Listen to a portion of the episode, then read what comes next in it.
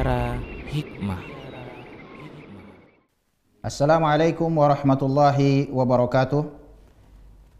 Alhamdulillah hamdan kathiran tayyiban mubarakan fih kama yuhibbu rabbuna wa yarda. Ashhadu an la ilaha illallah wahdahu la syarikalah wa ashhadu anna Muhammadan abduhu wa rasuluh. Amma ba'du, pemirsa Rosat TV rahimani wa rahimakumullah, semoga Allah Subhanahu wa taala merahmati kita semua. Sejarah pernah mencatat satu peristiwa besar.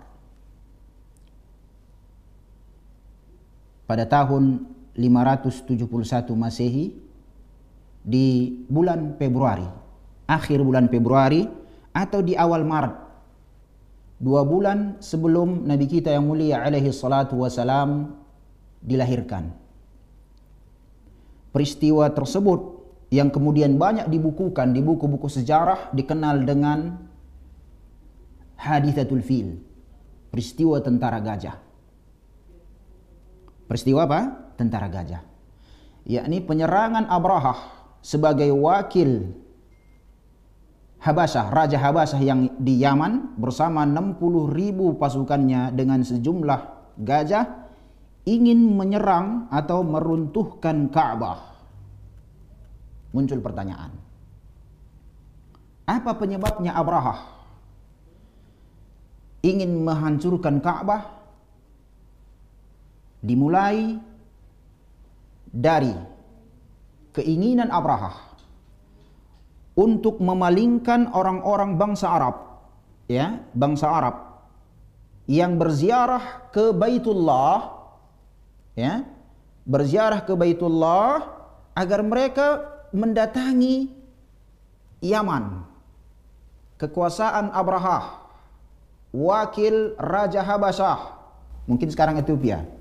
Kan begitu, ya? Hmm. Di saat itu kota Mekah di bawah pengendalian Quraisy. Pemimpinnya tepatnya kakek pertama Nabi yang mulia alaihi salatu Abdul Muttalib. Di mana penguasaan pengendalian kota Mekah itu dimulai dari kakek Nabi yang mulia alaihissalam yang empat Kusai. Setelah diambil dari yang sebelumnya adalah suku Khuza'ah. Lalu Quraisy mengambil alihnya.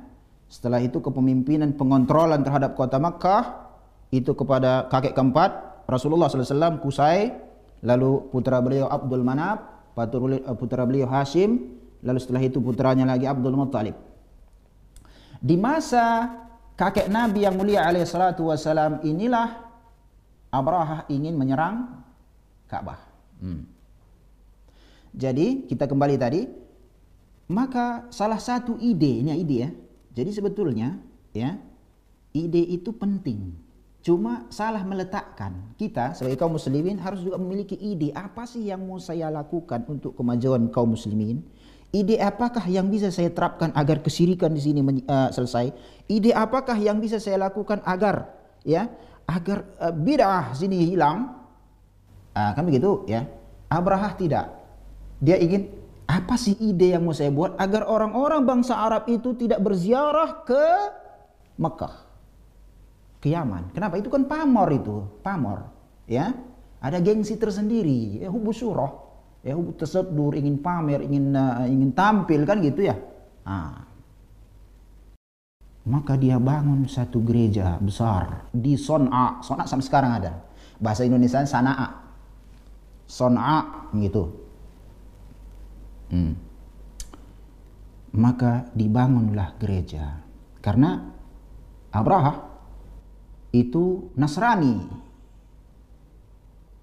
yang menyimpang tentunya ya yang telah menyelewengkan ajaran uh, Nabi Isa alaihi salam hmm.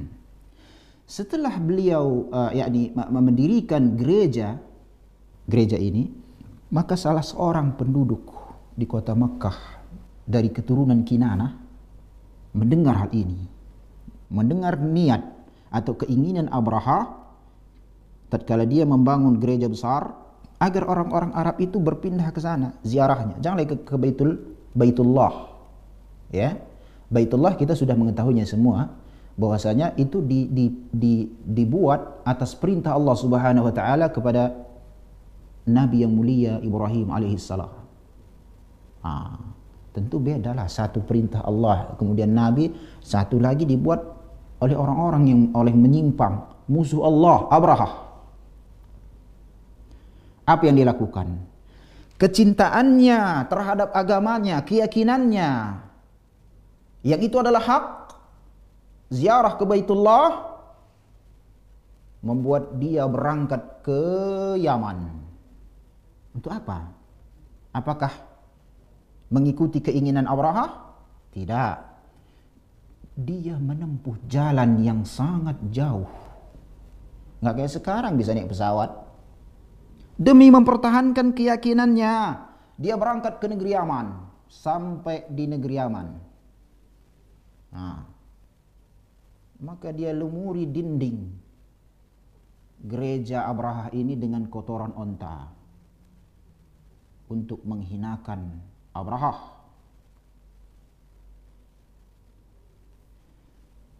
Mengetahui hal ini, ya,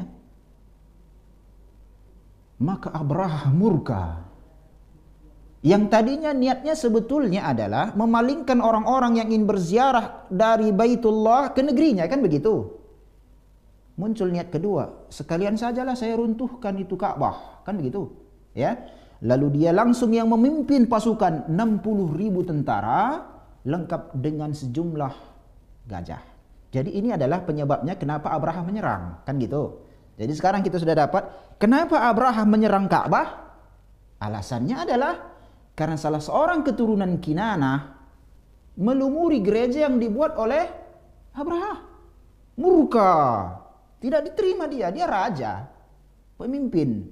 Makanya uh, ya ini biasa itu seorang pemimpin milih pasukan ya bertindak sesuka hatinya ya itu adalah tabiat seorang pemimpin tinggal lagi makanya pemimpin itu perlu perlu didoakan kepada yang baik ya ini menjadi yang lebih baik kan begitu ya hmm maka dia berangkat dengan tentaranya dari Yaman menuju Ka'bah.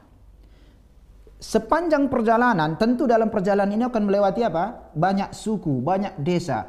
Tidak ada satupun suku, tidak satupun desa yang mampu menahan pergerakan tentara gajah Abraha ini. Semuanya takluk.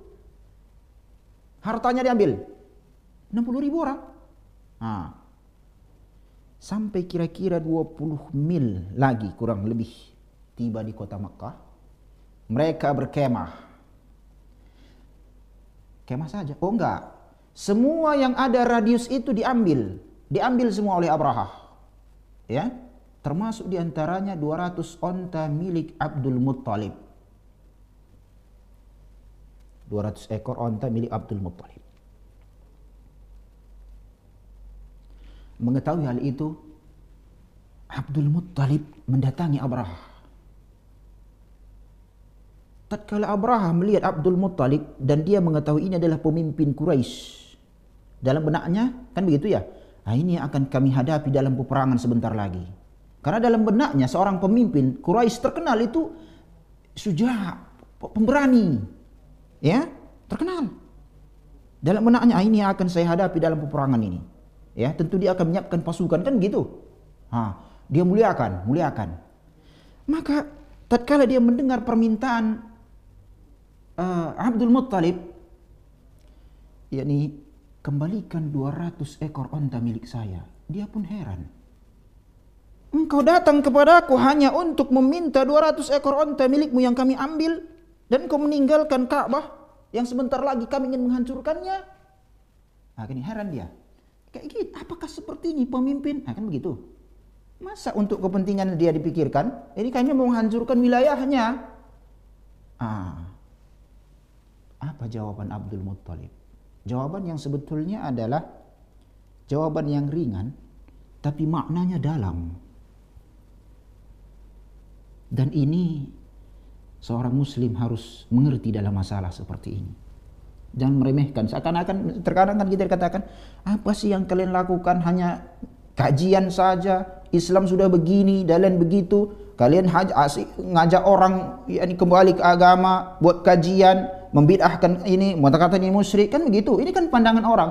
Kalau orang kafir yang menyebutkannya, ya nggak ada masalah sebetulnya itu urusan dia. Tapi kalau orang muslim ini yang perlu kita perbaiki. Kalau muslim yang keluar mulutnya seperti ini kan begitu. Apa kata Abdul Muttalib? Waktu itu mereka adalah musyrik. Ya. Karena ah, dua-duanya menyimpang ini. Abrahah memodifikasi tentu kan dia menganut agama yang telah dimodifikasi tatkala sudah diangkat Isa kepada derajat ketuhanan yakni kemudian penduduk kota Mekah waktu itu juga sudah menyimpang dari ajaran Ibrahim alaihi salam ya dari mana kita tahu bahwasanya mereka menganut ajaran Ibrahim karena mereka masih melaksanakan tawaf sebagaimana yang dilakukan oleh ajaran Nabi kita yang Nabi Ibrahim alaihi salam. Hanya saja sudah dirubah-rubah. Begitu juga keyakinannya sudah dirubah-rubah. Ya. Hmm. Tentunya setelah masuknya yakni uh, dua patung dari Jeddah ya uh, yang dibawa tokoh Al-Khuzai ya sehingga tersebarlah peribadatan penyimpangan peribadatan dalam akidah di kota Makkah pada waktu itu. Se uh, kemudian ini diwarisi bercampur baur dengan uh, Quraisy yang kemudian hari mengambil pengontrolan kota Makkah atau Baitullah dari suku Khuza'ah. Maka pemirsa Rosat TV, semoga Allah Subhanahu wa taala merahmati kita semua. Abraha ya, yani Abdul Muttalib mengatakan, "Saya pemilik onta." Saya pemilik onta. Sedangkan Ka'bah itu ada pemiliknya akan melindunginya. Ah, perkataan ringan yang sebetulnya maknanya dalam. Di mana Abraha ini tidak yakin. Ya. Dia mengatakan tidak akan ada orang yang tidak akan ada yang bisa menghalangiku. Sudah? Selesai pertemuan tersebut, maka Abdul Muttalib dengan orang-orang Quraisy menaiki bukit, duduk. Mereka ingin menyaksikan apa sih yang akan dilakukan Abraha? Kan begitu? Tentu Abraha juga merasa dirinya di atas angin. Gak ada perlawanan, tinggal menghancurkan doang. Ya, dia masuk kota Mekah. Menggerakkan gajah, gajahnya tadi duduk, gak mau bergerak. Dipukul pun tak bergerak. Sampai tak kala diarahkan ke sisi yang lain, berdiri langsung gajah dan pergi. Kemudian Allah Subhanahu wa taala menjaga syiar-syiarnya di muka bumi ini. Allah kirim burung yang berbondong-bondong. Ya, menghancurkan tentara gajah.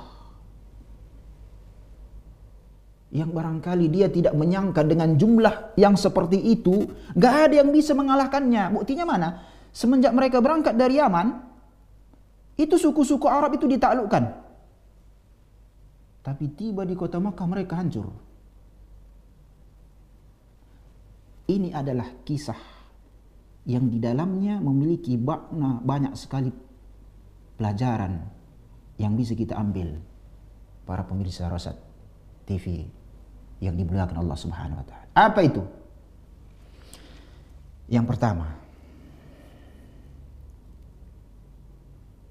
Pernahkah terpikir bagi kita kenapa setelah terjadi penaklukan kota Mekah banyak suku-suku di luar Quraisy berbondong-bondong mendatangi Rasulullah berbaiat masuk Islam?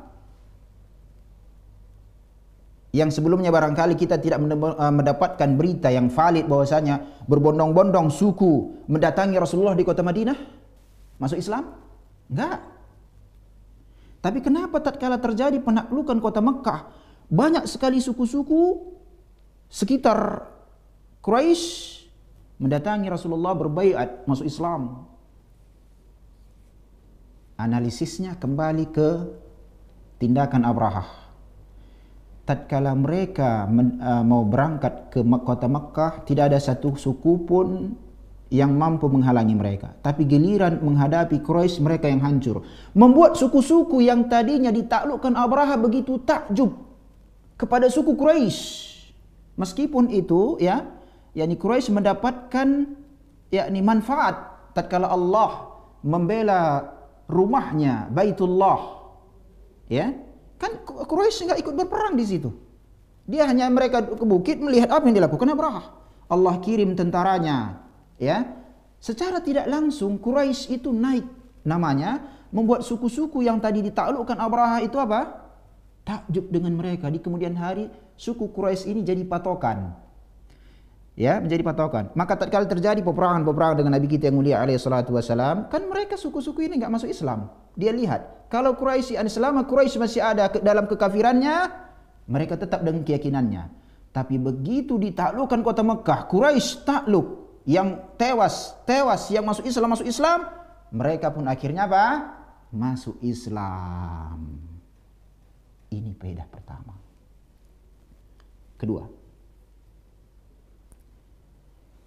lihat salah satu dari keturunan Kinanah ini tatkala dia membela agamanya, keyakinannya harus berangkat dengan menempuh jarak yang jauh untuk menghinakan Abraha. Hmm. Berangkat jalan, ya anggap aja naik onta. Ya, kafilah onta. Atau kendaraan pada waktu itu. Yang tidak pada seperti sekarang ini mungkin dari orang dari Yaman mungkin 1000 kilometer. Ya, kurang lebih barangkali ya. Nanti bisa silahkan diluruskan. Yakni uh, dari Yaman ke uh, kota Mekah. Mungkin naik pesawat cepat. Ya. Demi menjaga keyakinannya. Dia tidak mau keyakinannya ini dirobah-robah. Dia berangkat apa yang bisa kita ambil pelajaran dari kisah seorang Bani Kinanah ini ikhwan kaum muslimin Mana rasa kecemburuan kita tatkala agama kita ini dirubah-rubah orang?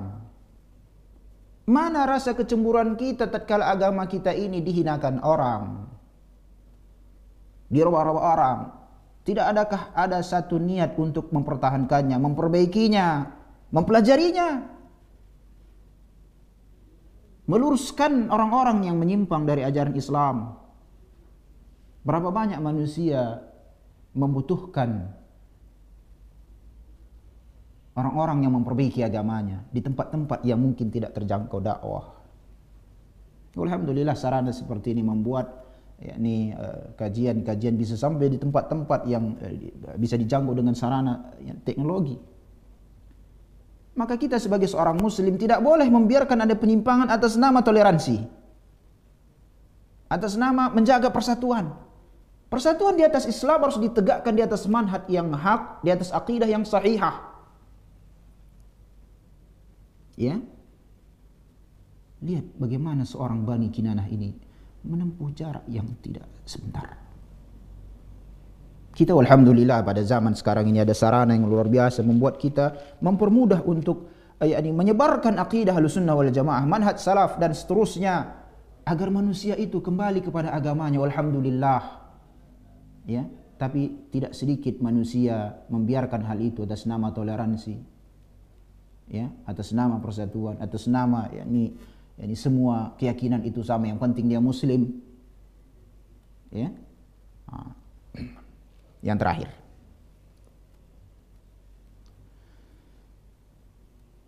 Kehancuran Abraha itu juga menjadi sebuah pesan bagi siapa saja yang ingin menghancurkan syiar Allah. Ya. Tatkala Abdul Muttalib dan suku-suku Quraisy nggak mampu menghadapi Abraha. Apakah betul-betul setelah itu Ka'bah hancur? Enggak ya. Allah akan membela dan menjaga siar-siarnya di muka bumi. Selama itu dimuliakan. Kan suku Quraisy memuliakan Ka'bah. Oleh karena itu dikatakan di akhir zaman salah seorang dari Habasyi juga yang akan menghancurkan Ka'bah. Kenapa? Di saat tersebut siar-siar Allah tidak lagi muncul. Ya, penyimpangan muncul. Sehingga itu memudahkan jalan untuk menghancurkan Ka'bah.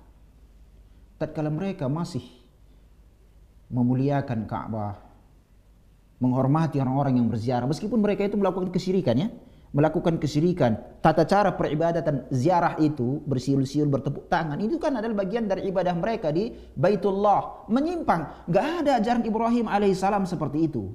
Maka ini di kemudian hari kan diluruskan setelah Nabi yang mulia alaihissalatu wassalam diutus menjadi nabi.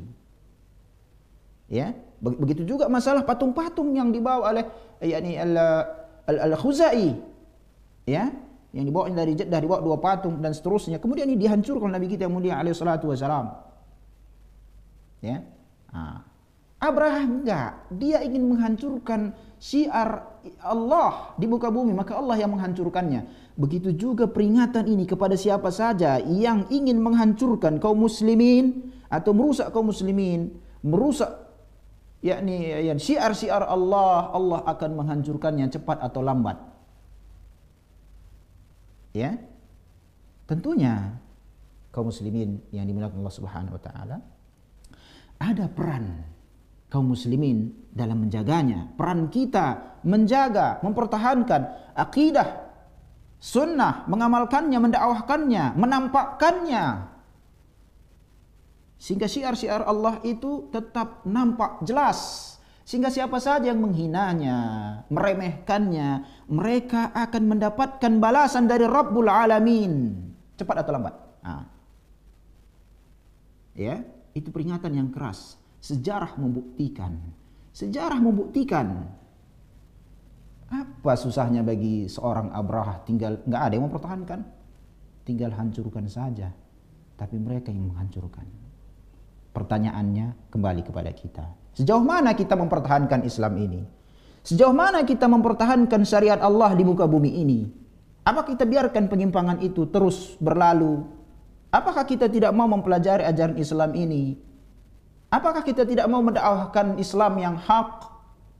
Di mana orang-orang menyimpang, begitu semangat mengajarkan eh, mendakwahkan penyimpangannya, lalu kita diam-diam saja di tempat kita duduk manis di rumah, menikmati duduk bersama keluarga, itu kembali kepada kita semua. Yang jelas Allah akan menjaga agamanya. Allah akan menjaga umat ini. Ya. Sehingga praktik modern pada zaman sekarang nampak misalnya kaum muslimin begitu porak-poranda, ajaran Islam itu begitu mudahnya dirubah eh, bahkan atas nama kaum muslimin sendiri sebagian yang merubah ajaran Islam, Anda akan binasa. Kita tidak mengakui hal itu, kita mengingkarinya. Mungkin dengan tangan kekuasaan kita tidak mampu, tapi lisan masih memungkinkan. Apalagi yang terakhir hati. Ikhwani, ini adalah kisah yang sangat besar yang pernah dicatat dalam sebuah sejarah.